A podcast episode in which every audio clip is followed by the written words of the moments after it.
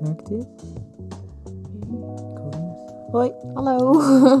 ik ben Hanna. en ik ben. Eh, wij zitten allebei in V6 en wij moesten een PBS maken. Ja, en eh, dit is dat. Dit is onze podcast met experts, enquêtes, literaire bronnen en onze eigen ervaringen.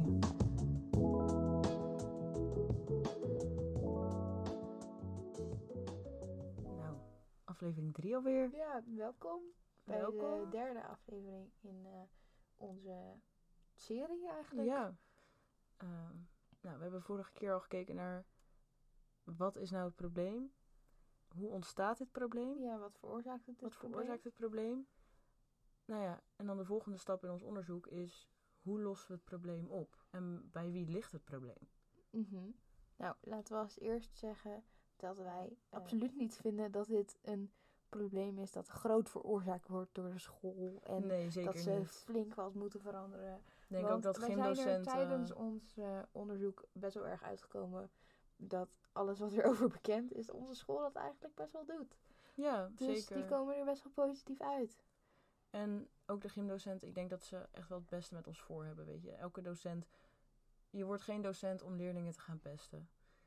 Dus het is ook, eh, dat willen we wel ook even vermelden, geen aanval naar de gymdocenten, het vak bewegingsonderwijs, onze school. Ehm, het is een, een opbouwende kritiek. Nou, het is meer gewoon, Ja, denk ik, verduidelijking. het is want verduidelijking zoals we van... eerder al gezegd hebben, de gevoelens, is, het is gewoon een, een soort van stigma om hierover te praten. Want eh, waarom ben je nou weer slecht in gym? Wees Ja. gewoon slecht in wiskunde of Doe niet zo lui, doe, Doe niet gewoon zo mee. lui, Doe gewoon je best. Je kan gewoon En- een bal gooien. Eh, ik denk gewoon dat er heel veel onwetendheid zit in dat er zoveel mensen zijn die negatieve gevoelens hebben bij het vak bewegingsonderwijs. En ik denk dat dat gewoon niet een heel duidelijk probleem is, omdat niemand er echt voor uit durft te komen. Nee, en dat bleek ook wel toen wij het gesprek aangingen met onder andere eh gymdocent, eh, de zorgcoördinator en ehm, iemand van de GGD. Ehm, die waren ook heel verrast om te horen dat er dus leerlingen zijn die zich toch niet helemaal comfortabel voelen bij de gymlessen.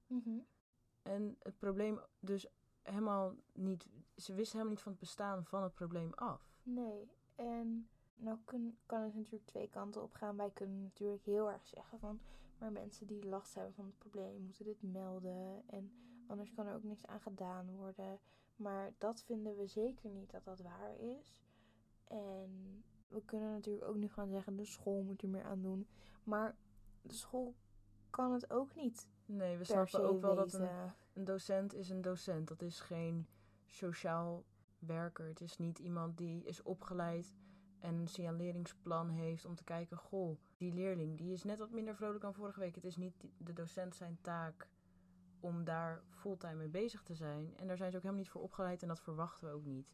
Dus wij hopen gewoon dat met ons onderzoek we toch ja, een soort verduidelijking kunnen brengen en het opstapje naar een volledig veilige omgeving voor iedereen te kunnen maken. Ja, en laten wij er nog wel even bij zeggen dat natuurlijk niet volkomen realistisch is om voor iedereen een fijne niet. omgeving te creëren. Je kan natuurlijk nooit iedereen tevreden stellen, maar we willen gewoon. In ieder geval Eh. vaststellen dat het. We hebben nu wel vast kunnen stellen dat we niet de enige zijn die ons zo voelen. Ja, en we moeten gewoon de groep eh, die deze gevoelens voelt en dus zo slecht voelt, een negatief zelfbeeld ervan krijgt, moeten we zo klein mogelijk houden. En het gaat ons erom met hoe doen we dit nou precies? Nou, Ja. Zoals jij net al zei, docenten zijn niet opgeleid om eh, dingen te signaleren bij, eh, bij jongeren. Maar misschien als we even naar meneer Avermaat luisteren, dat we dan eh, horen of er nou wel of niet aandacht aan wordt besteed in. ja, en hoe hij toch wel bezig is met het welzijn van leerlingen en hoe hij dat probeert zo goed mogelijk te monitoren. Ja, in zijn mentoraat, maar ook in zijn gymlessen. Gaan we daar nu even naar luisteren? U bent ook mentor, zei u net. Ja, Ehm, klopt. Besteedt u er, zeg maar bijvoorbeeld in mentorlessen, eh, dan ook aandacht aan over hoe leerlingen in hun vel zitten en zo? Nou ja, we doen verschillende dingen. Je hebt eh, verschillende gesprekken met leerlingen op een jaar. Dat is eigenlijk een startgesprek. Hoe het met een leerling gaat. Nou, dat is eh, voor de ene leerling wat eerder in het jaar, voor een leerling wat later in het jaar. Er zijn mogelijkheden tot OKM-gesprekken, dus er zijn oude-kind-mentorgesprekken. En het is de bedoeling dat je daar tussendoor ook gesprekken hebt met leerlingen. Ehm, buiten dat zie je de leerling in de mentorles en in je vak, sportles. Mhm. En daarin probeer je natuurlijk te polsen hoe het met iemand gaat. Nou, ik kan dat redelijk goed doen tijdens een sportles, omdat er altijd ruimte voor is. Mhm. Ehm, maar het kan ook zo zijn dat, dat ik dat niet opmerk. En dan probeer ik altijd een uitstraling te geven dat leerlingen me altijd kunnen bereiken als ze me nodig hebben. Ehm, bij mij kan het via de ELO, maar via WhatsApp kan dat ook, omdat we een appgroep hebben. Dus Ja. mijn telefoonnummer is niet eh, geheim als het ware. Dus ik hoop dat dat al voldoende is.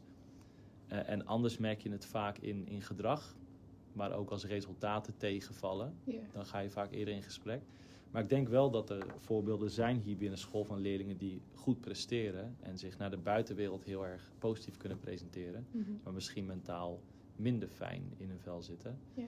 Doordat we meerdere begeleiders hebben op school, hoop ik en ga ik er wel vanuit dat, eh, dat dat op school wel wordt opgemerkt. Ja. Maar ik durf niet mijn hand voor in het vuur te steken dat eh, elke leerling ehm, mentaal helemaal top in hun vel zit Nee, en nee. daar, nee. Maar u besteedt er wel aandacht aan. Ja, en dat, dat is vooral tijdens de les observeren en dan Mhm. gewoon gesprekjes aangaan. En tijdens de mentorles ook nog een belangrijk punt, doen we de SIGA klimaatschaal.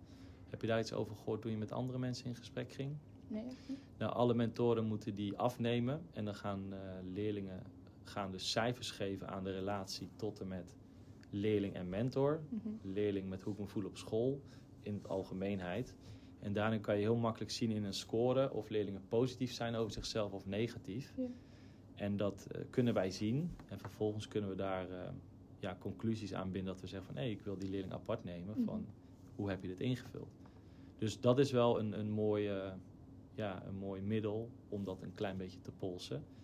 Wat niet zegt dat je dat ook kan invullen op de manier zoals jij dat wil. Nee, ja. Dus dat je ook door kan hebben van ik, ik weet niet, ik wil niet dat mensen weten dat ik me zo voel. Mhm. Maar dat is wel een poging om dat, eh, om dat te doen. Nou, nu we eindelijk het probleem eh, boven water hebben gehaald en eh, hebben erkend en hebben voorgelegd, denk je dat het tijd is om te kijken naar hoe gaan we dit oplossen? Toch? Ja, en ik denk dat de beste manier is om dat te kijken is gewoon door nieuwe dingen te proberen. Zoals dat ze nu eh, in de onderbouw bezig zijn met het pistemodel. Dat hebben we ook al meerdere keren benoemd. En ik denk dat het nu even tijd is om te luisteren naar wat het pistemodel nou precies inhoudt ter verduidelijking. En ik denk dat degene die dit het beste kan doen, is degene die nogmaals, meneer Van Avermaten. Onze ervaringsdeskundige. Mhm. En zitten er dan ook eh, verschillen in de lessen, zeg maar, tussen de onderbouw en de bovenbouw? Ook qua, bijvoorbeeld qua inhoud of eh, becijfering? Ja, dat sowieso. We zijn een paar jaar geleden van de cijfers afgestapt. Mhm. Dat deden we in de onderbouw. Nou, onderbouw is nu eventjes Lea 1, 2, 3. Ja. En nu doen we dat met een soort van pisteplan. Nou, vooral bij turnen is dat goed te zien dat je bezig gaat zijn met trampolinespringen. En dat ik niet verwacht dat jullie allebei een perfecte salto kunnen. Mhm. Maar dat je natuurlijk een begin hebt, het springen in de trampoline en landen. Nou, dat is voor sommige leerlingen al heel wat. En andere leerlingen, ja, die, die zijn toe aan een salto achterover, terwijl ze dat nog niet kunnen. En met de pisteplan hebben we drie kleuren, net als met de pistes. Eh, groen, blauw, rood en zwart. Mhm. En daarmee proberen we met filmpjes en iPad-gebruik gewoon leerlingen te motiveren van... hey, kijk wat je niveau is en ga daar beginnen. Mhm. En niet dat we zeggen van oké jongens, we gaan allemaal salto springen. En dat de helft dan denkt van salto springen, dat gaat me nooit lukken. Ja. Dus dat je wat meer op je eigen niveau bezig bent. Nu een beetje duidelijk is wat dat eh pistemodel nou precies is. Denk jij dat eh, deze manier van becijferen jou had geholpen in de onderbouw? Ja, ik denk het wel. Ik denk dat het vooral eh, ja, de drempel een beetje verlaagt. Omdat je toch meer kijkt naar je eigen kunnen in plaats van het moeten kunnen van een oefening. En dat, is ook wel, dat sluit ook wel aan bij wat Alissa zei. En als probleem aangaf in de onderbouw met die becijfering. Mhm. Ik denk wel dat je dat hiermee oplost. Nou, eh, zullen we dan even gaan luisteren naar wat Alissa precies zei? Ja, vind ik een goed idee. Heb je eh, eigenlijk je hele gehele schoolperiode hetzelfde naar het vak aangekeken? Of is het ook zeg maar veranderd met de tijd? Het is wel, het is na de, in de bovenbouw ben ik er wat positiever naar gaan kijken, omdat je geen, niet echt cijfers kreeg. En die Mhm. cijfers in de onderbouw, daar zag ik het meest tegen op. Want als je het zeg maar, ja, als je je dan een dag minder voelde bij turnen bijvoorbeeld, dan en, en dat was de dag dat je cijfer kreeg, zeg maar, dan was dat niet terug te draaien. Nee, het was één moment of niet, zeg maar. Ja, en dat vind ik sowieso heel oneerlijk. Want zelfs iemand die op een Olympische Spelen staat, die doet het de ene dag slechter dan de andere dag. Mhm. Klopt. En als het dan bijvoorbeeld, ehm, nu is het natuurlijk vaak met die cijfers dat het is, wat is je niveau, wat is je beheersing van eh, het onderdeel waar je op Mhm. getoetst wordt. Eh, is dat dan ook vooral waar bij jou het, het stresspunt lag? Dat het dus was, ik kan niet daartegen, zeg maar, ik kan dat niveau niet behalen? Of was het gewoon het moeten doen voor een cijfer? Nou, het was sowieso dat ik dat niveau niet kon behalen. Want ik was gewoon niet in staat. En ook niet met. Want je kreeg, je kreeg eigenlijk geen hulp. Ze zeiden van ja, je kan altijd vragen om hulp. Maar het was van, oh ja, we doen het voor. Eh, als het goed is, moet jij dit ook kunnen. Dus doe je best. Ja. Een beetje aan je lot overgelaten eigenlijk. Ja. Ja. En als ze bijvoorbeeld zouden cijferen op eh, je inzet en bijvoorbeeld je groei die je doormaakt in de periode dat je een onderdeel behandelt, zou dat dan al, denk je, beter zijn? ja, zeker. Want dat zie je nu ook eigenlijk in de bovenbouw. Mhm. Ja. Nou, naast het pistemodel zullen er vast nog meer andere dingen zijn om de manier van becijferen te veranderen dan alleen maar een cijfer geven. Heb jij daar iets over gevonden? Nou ja, ik heb onder andere eh, gevonden in een onderzoek van Ger van Mossel dat eh, het drie doeldomeinen eh, manier van indeling ook eh, ja, de les op een andere manier invult. Het komt er eigenlijk op neer dat je in een blok aan de slag gaat met één sport, zoals je nu eigenlijk ook doet.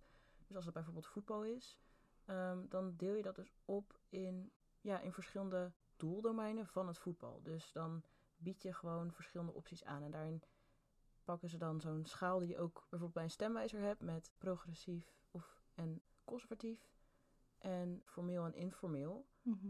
En dan heb je dus bijvoorbeeld schoolvoetbal, dus dat is een hele conservatieve en ja, formele vorm van voetbal. Mhm. Maar bijvoorbeeld ook pannavoetbal of Blokjesvoetbal. blokjesvoetbal of meer zoals zeg maar het van die trucjes en zo doen. Mhm. En dat je daarbij dan dus ook kijkt naar of je bijvoorbeeld workshops kan doen. Waardoor je er eigenlijk voor iedereen ja, op een speelse manier toch wel iets tussen zit. Waar ze gewoon ja, op een verschillende manier met de sport aan de slag kunnen. De sport misschien opnieuw of op een andere manier kunnen ontdekken. En toch lekker bezig zijn. Zonder dat er per se een hele hoge druk op ligt. Of zelf kunnen kiezen hoe hoog ze die druk nou leggen. En ik Dus- denk ook dat dat, ja, dat aanbodprobleem wat we eerder hadden. Toch wel op een vrij makkelijke manier kan oplossen. Omdat je het aanbod blijft dezelfde sport, alleen vul je het gewoon heel anders in. Denk je dan ook dat er zo bijvoorbeeld voor zorgt dat mensen die bijvoorbeeld heel hard willen sporten en heel heftig willen sporten en serieus willen sporten, het ook meer naar hun zin kunnen krijgen. En mensen die iets minder serieus willen en gewoon een beetje willen kijken en oefenen met dingen, dat die het ook meer naar hun zin krijgen. Dus denk je meer dat het zo een beetje iets voor iedereen maakt. Ja, ik denk het wel. Want als jij dus bijvoorbeeld echt het klassieke wedstrijdvoetbal wil doen, dan kan jij bijvoorbeeld dat schoolvoetbal kiezen. Terwijl als jij zoiets hebt, nou, weet je, voetbal is niet zo mijn ding. Laat ik een andere manier proberen. Nou, dan kijk je eens naar met van die trucjes. Of gewoon wat meer dat straatvoetbal. Mhm. Of dat wel werkt. En in ieder geval of je er dan meer, eh, ja, wat meer plezier in hebt. Ja. Omdat er gewoon veel minder prestatiedruk op ligt. Ja, Wat eigenlijk toch wel een van de grootste van de grootste oorzaken, factoren zeg maar, van het probleem deels kan verminderen. Mhm. En ik vond ook dat dit model wel aansloot bij de manier van lessen die wij in de bovenbouw gehad hebben. Ja. En nou ja, ik heb zelf veel minder problemen met het vak bewegingsonderwijs eh, in de bovenbouw. Mhm. En ik denk dat dat misschien dus ook wel komt door die andere manier van lesgeven. Ja. Ja, en ik, eh, dat heeft meneer Van Avermaat ook gezegd, dat hij heel erg bijvoorbeeld een mix doet. Dus bijvoorbeeld een deel dat de hele klas gewoon door elkaar is. En dan op een gegeven moment komt er een deel in de les. Dan gaan de mensen die echt serieus willen voetballen en met z'n allen voetballen. En mensen die meer gewoon het spel op gang moeten houden, die gaan een beetje bij elkaar. En eh, om dat niet zeg maar altijd te doen, maar om daar gewoon een mix in te houden. Ja, dat het gewoon voor iedereen leuk blijft. Mhm. Ja. Net als we hebben laatst met de volleybalsportdag. Kon je natuurlijk ook zelf aanmelden op een niveau. En ik denk dat dat het een stuk ja, laagdrempeliger maakte. Omdat je kon zelf kiezen op welk niveau je zat. Mhm. Waardoor je ook niet per se verplicht was. Of in ieder geval niet dat, dat ik de druk niet voelde van... Oh, Maar ik moet nu tegen een team wat heel goed is. Mhm. Die gaan me uitlachen of die gaan gefrustreerd zijn omdat ik niet eens een bal normaal over het net kan slaan. Ja, En die willen wel gewoon verder, terwijl ik dan niet mee kan spelen en het spel dus belemmeren. Zeker bij een sport als volleybal kan je er niet onderuit komen omdat je constant doordraait van positie. ja, en ik denk ook dat daar de drempel ook een stuk lager lag, omdat je zelf je groepjes kon maken. Zeker. Eh, omdat je gewoon bijvoorbeeld met wat vrienden die het niet zo serieus nemen, gewoon kan zeggen: hey, zullen wij met z'n allen gaan? In plaats van dat je allemaal een beetje los van elkaar zit, het niet naar je zin hebt, omdat je ten eerste niet met je vrienden zit. En vervolgens zit je ook met mensen die allemaal op een heel ander niveau spelen dan dat jij speelt. Ja. Dat maakt het toch ook weer heel anders. Ja, nou, en met deze twee modellen denk ik dat je toch de lessen binnen het bestaande budget, omdat er eigenlijk niet zoveel hoeft te veranderen, toch ja, een soort het programma een beetje kan hervormen, waardoor het net wat plezieriger wordt voor iedereen. En om even terug te grijpen naar de enquête die wij hebben afgenomen, eh, daarin hadden wij onder andere ook gevraagd, wat kan de school doen om ja, de lessen gewoon nog optimaal te benutten? En daaruit kwam ook wel vaak aan meer opties hebben. Ehm, dat je kan kiezen tussen sporten en spellen. Dat je eigen team kan kiezen. Mensen niet dwingen om mee te doen of om over hun grenzen heen te gaan. Geen cijfers verbinden is Ja. ook veel. Meer, mer- meer werken met eh, eh, goed, voldoende of onvoldoende. Ja, nou, grote variaties aan type sporten eh, en meer de cijfers. Het- eigenlijk waren dat wel de terugkerende dingen. En dat zijn problemen die je hiermee oplost. Dus ik denk wel dat ehm, dit hele goede kanshebbers zijn. En nu in de onderbouw zijn ze natuurlijk bezig met het pistemodel. En ja, ook in de bovenbouw hebben we nu dus eh, met van die drie verschillende vormen of drie verschillende niveaus. En ik merk zelf dat mijn ervaringen met gym dit jaar nooit zo het is nog nooit zo positief geweest als dit jaar. Zeg Nee. maar. En dat heb ik ook, maar ik denk ook dat dat komt omdat er dit jaar eh, voor ons heel veel variatie is geweest. Zeker. Want eh, om het even uit te leggen voor de luisteraar, wij hebben dus nu een half jaar gym gehad, want dat heb je bij ons altijd in je laatste jaar. Ja, we In je examenjaar heb je maar een half jaar gym. voor altijd wij klaar zijn met gewoon gym. voor altijd klaar met gym. Zo raar. maar, Zo lang een probleem geweest. Ja, en nu eindelijk er vanaf. En het werd ook eindelijk leuk en toen was het klaar. Ja, maar eh, wij hebben dus in dat half jaar veel variatie gehad. Zeg maar, in het begin konden we, was het zo dat je eerst twee of drie weken in de sportschool ging en dan vier of zes weken in de gymzaal en dan weer twee of drie weken in de sportschool. Ja, en En- eigenlijk omdat er een tekort was aan zalen. Uh-huh. dus het is en- een geluk bij een ongeluk geweest. Ja. En uiteindelijk is dit de laatste lessen van het jaar eigenlijk veranderd in dat je kon kiezen tussen naar de sportschool gaan om vrij te fitnessen of om Zumba te doen, eh, naar het zwembad gaan om te zwemmen of gewoon in de gymzaal sporten, voetballen en lekker dat soort dingen doen. En wij horen daar van mensen zoveel positieve dingen Ja. over en wij hebben zelf ook zo'n positieve ervaring daarmee gehad. Ten eerste heeft eh, het naar de sportschool gaan met school ervoor gezorgd dat wij nu in onze vrije tijd naar de sportschool Ja. gaan. Wie had dat ooit gedacht? Echt hoor. En ja, wij merken zelf dat dit ons zelfbeeld ten eerste heel erg verbetert. Omdat je voelen eindelijk, ons goed. Ja, en je bent eindelijk met een sport bezig waar je daadwerkelijk interesse in hebt en ook iets mee kan. Maar ja, ik ben iemand die totaal niet goed is in balsporten of in atletiek of turnen. En dan blijft gym keer op keer iets. Ja, ik kan er wel aan gaan werken, maar niet echt met een doel. Nee. Want het is toch niet alsof ik er echt plezier in had en het in mijn eigen tijd zou doen. Dus met een doel werken was het niet. En in dat uurtje gym kwam je ook niet echt ja, verder of zo. En nu kon je gewoon aan de slag met iets wat je, waar je zelf gewoon ja, toch wel wat mee kon. Je kon gewoon kiezen voor iets waar je zelf prioriteit bij had. Mhm. En dat maakte ook dat echt iedereen met veel meer plezier ging. ja, En dat iedereen er sowieso was eigenlijk. Tenminste, ja, het was wel... Iedereen was gewoon bezig tijdens gym. Het was niet dat er zo'n groepje aan de kant een beetje stond te kletsen. Iedereen was gewoon constant wel bezig. ja, en ik hoor echt van iedereen. Nou, praat ik natuurlijk niet echt met letterlijk het hele klas, het hele jaar. Nee, maar maar je merkt waar het je wel hoort om je heen veel mensen met hele positieve ervaringen ermee. En mensen die het echt naar hun zin hadden. Die het- mensen die het heel leuk vinden om te zwemmen. Die dan eindelijk zo naar het zwembad konden gaan met school. Want ook niet- zwemmers is net als paardrijden. Dat is ook iets wat eigenlijk, als jij zwemmen hebt als sport... Mhm. Ja, je gaat eigenlijk niet snel zwemmen met school. En als je het doet, dan wordt het niet, het is niet zo serieus als... Nee, dan heb je niet echt de kans om te trainen of zo. Nee. En ook de docenten denken dat die het wel als positief hebben ervaren. Ik denk dat het voor een docent heel fijn is om te zien dat leerlingen echt plezier hebben tijdens het, het aanbod wat je hun biedt.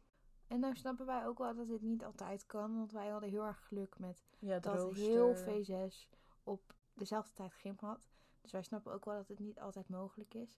Maar ik denk dat het wel heel positief is dat er zoiets gevonden is. Wat echt, echt het overgrote deel van de leerlingen die het naar zijn zin had, dat het zo'n groot deel was. Ja. En ook zag je dat juist de mensen die normaal met gym dus een beetje aan de kant stonden en niet echt meededen, die waren juist nu, zag je gewoon echt wel veel, best wel fanatiek bezig. En of dat Ja. dan bij de Zumba was, of bij het zwemmen, of eh, het vrijsporten. Iedereen kon gewoon lekker aan de slag en zijn eigen ding doen.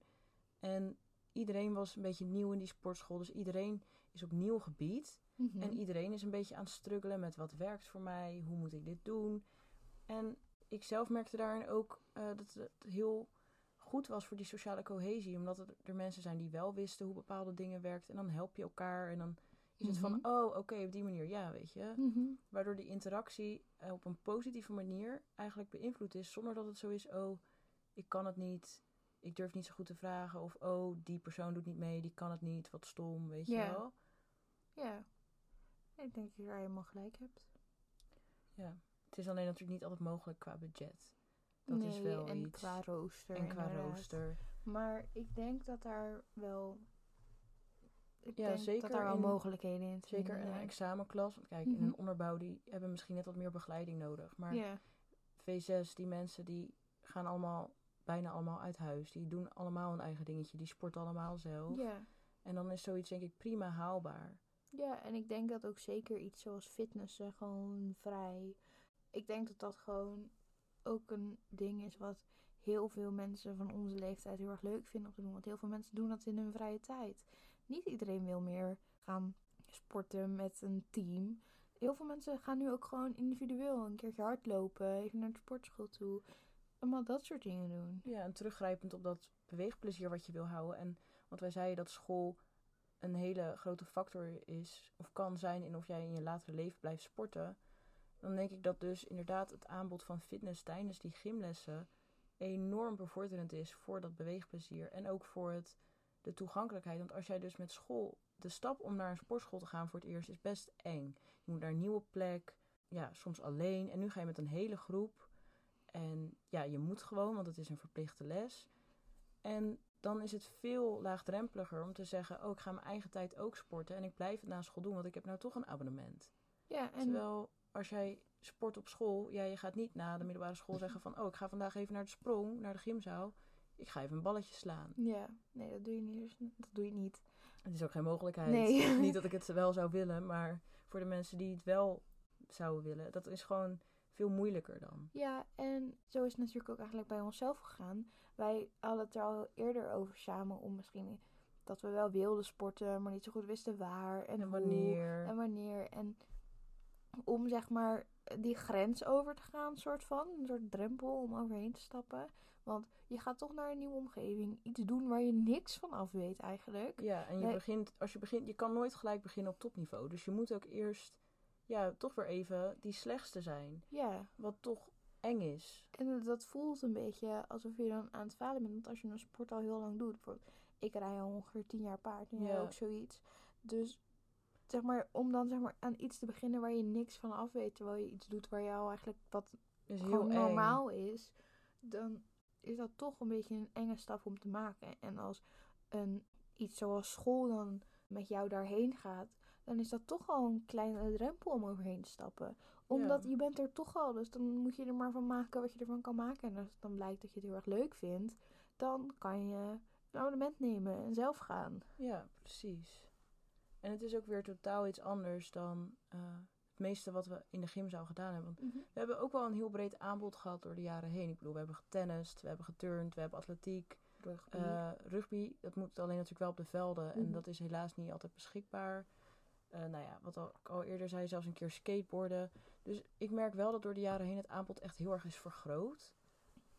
En ik denk dat dat ook al een hele positieve stap is. En dat dat ook bijdraagt aan dus die veranderende ervaring en die negatieve gevoelens die eigenlijk... Ja, ik heb ze nauwelijks ervaren afgelopen jaar. Ja, In het begin had ik wel weer zoiets. De allereerste gymles van het jaar had ik wel gewoon weer. Ja, ik wil niet. Ik vind het eng. Wat moet ik nou verwachten? Maar dat. Wat verwachten mensen van mij? Ja, wat verwachten mensen van mij?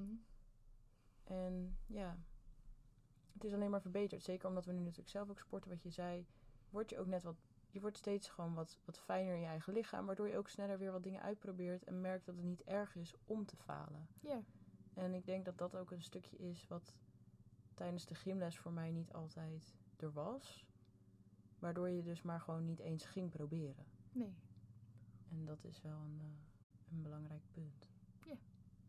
Nou, wat daarnaast denk ik ook wel een ding is waardoor die gevoelens zijn veranderd, is... eh, ja, je zit al heel lang in deze klas. Mhm. En ik denk ook wel dat hoe ouder je wordt, hoe meer iedereen gewoon zoiets heeft. Weet je wat de rest doet? Boeit me niet zo.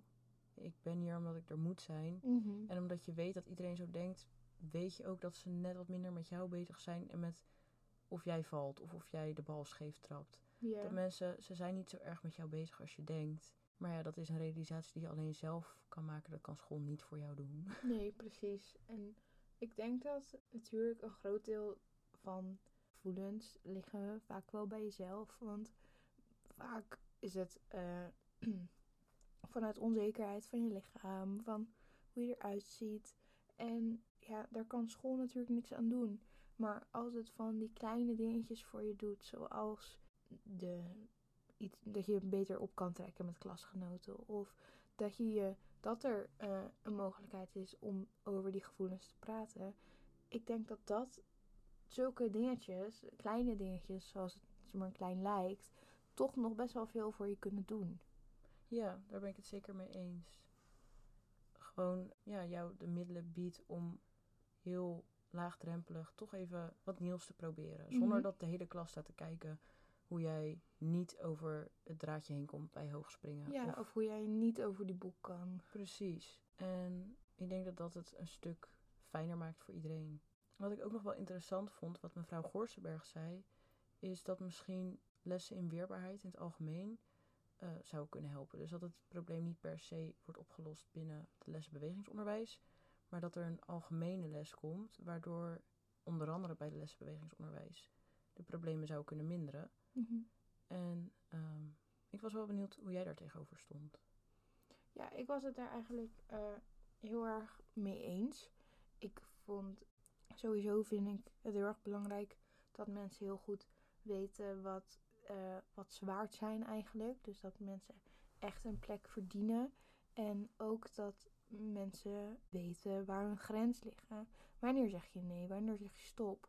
En wanneer zeg je ook nee en stop tegen jezelf. Ja, Want bij dingen zoals gym, als er dan gevraagd wordt van je om iets te doen, maar je denkt dat het over je grens heen gaat, maar je durft geen nee te zeggen, omdat je zoiets hebt van ik moet het doen, want nee zeggen dat klinkt zo stom, dan vind ik, denk ik dat zoiets als zo'n les over je eigen weerbaarheid je best wel kan helpen om te blijven nadenken over nee, dit is mijn grens, ik wil niet over die grens heen. Ja.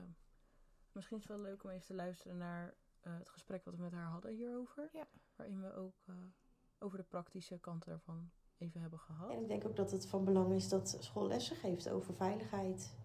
En dan echt wel gewoon psychische veiligheid. Weerbaarheid. Nee kunnen zeggen.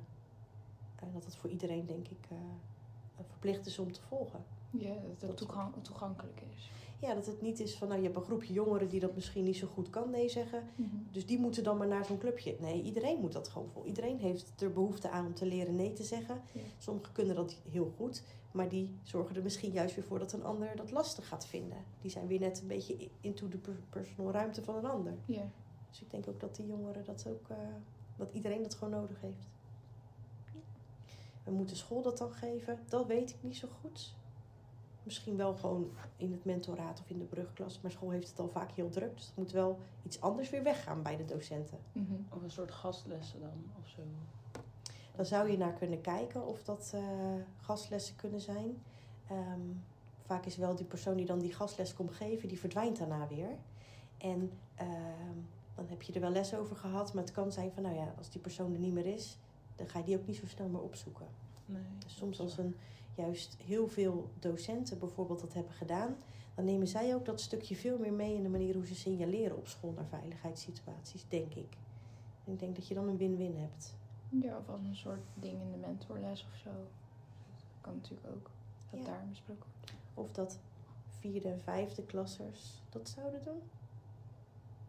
Mhm. Zodat ze en kunnen oefenen met het bespreekbaar maken van veilige situaties op school. Wat natuurlijk mega spannend is, maar ik denk wel dat het heel goed is om dat te leren. En dat je dan vervolgens ook weet als brugklasser of tweede klasser van nou ik kan misschien ook wel terecht juist weer bij die oudere jeugd. Wie zou uh, volgens u denk natuurlijk het meest baat hebben bij dit soort lessen? Zou het dan juist de mensen zijn die meer maar uitgesproken zijn of mensen die wat meer uh, ingetogener zijn, dus maar iets meer op zichzelf? Ja, ik denk dat het allebei is. Want degenen die uitgesproken zijn, die signaleren weer heel duidelijk als het met iemand minder goed gaat. En die kunnen dan beter helpen. Mm. En degenen die meer introvert zijn ingesteld, die leren juist weer meer naar elkaar daarin toe. Ja, ik denk allebei, dat het voor allebei goed is. En dat het ook vooral een mix moet zijn. Ja. Ik zie dat bijvoorbeeld, uh, je hebt hier op school GSA. Mm -hmm. En um, dat is een Gender Sexuality Alliance. Eerst heette het a Gay Straight Alliance. Dus voor de gay people en voor de straight people. Um, maar over het algemeen werd er in eerste instantie gezegd: Oh, val jij, ben jij homo, ben jij lesbi? Voel jij je meer meisje in het lichaam van een jongen en of andersom? Misschien moet je aansluiten bij de GSA. Dus je kreeg eigenlijk een soort uh, bijzonderheidsgroepje van die GSA. Mhm. En dat is nou juist niet wat de bedoeling was. De bedoeling was juist dat het een samengesteld geheel is die zich met elkaar samen sterk maakt. Zodat je niet krijgt van, oh, daar loopt de GSA. Oh, dat is wel een aparte gemeenschap in school. Dat was juist niet de bedoeling. En op een gegeven moment is dat minder geworden. En um, nu is het veel meer een gemeleerd gezelschap. En ik denk dat je als je dit soort dingen ook hebt, dat dat, dat een beetje op hetzelfde neer zal komen. Dat, als je, dat je het met elkaar samen moet doen. -hmm. Nou, dat was mevrouw Gorsenberg over uh, de lessen uh, voor de weerbaarheid van leerlingen. En uh, dat is gelijk de afsluiting van deze aflevering. Dit was de derde aflevering alweer in deze serie.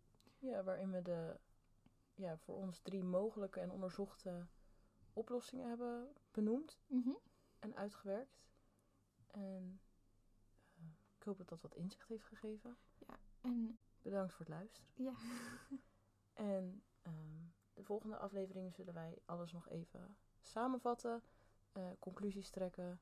Wat denken wij nou dat de bedoeling verder is? Ja. Dus we hopen dat u dan ook weer luistert. Heel erg bedankt en tot de volgende keer. Tot de volgende.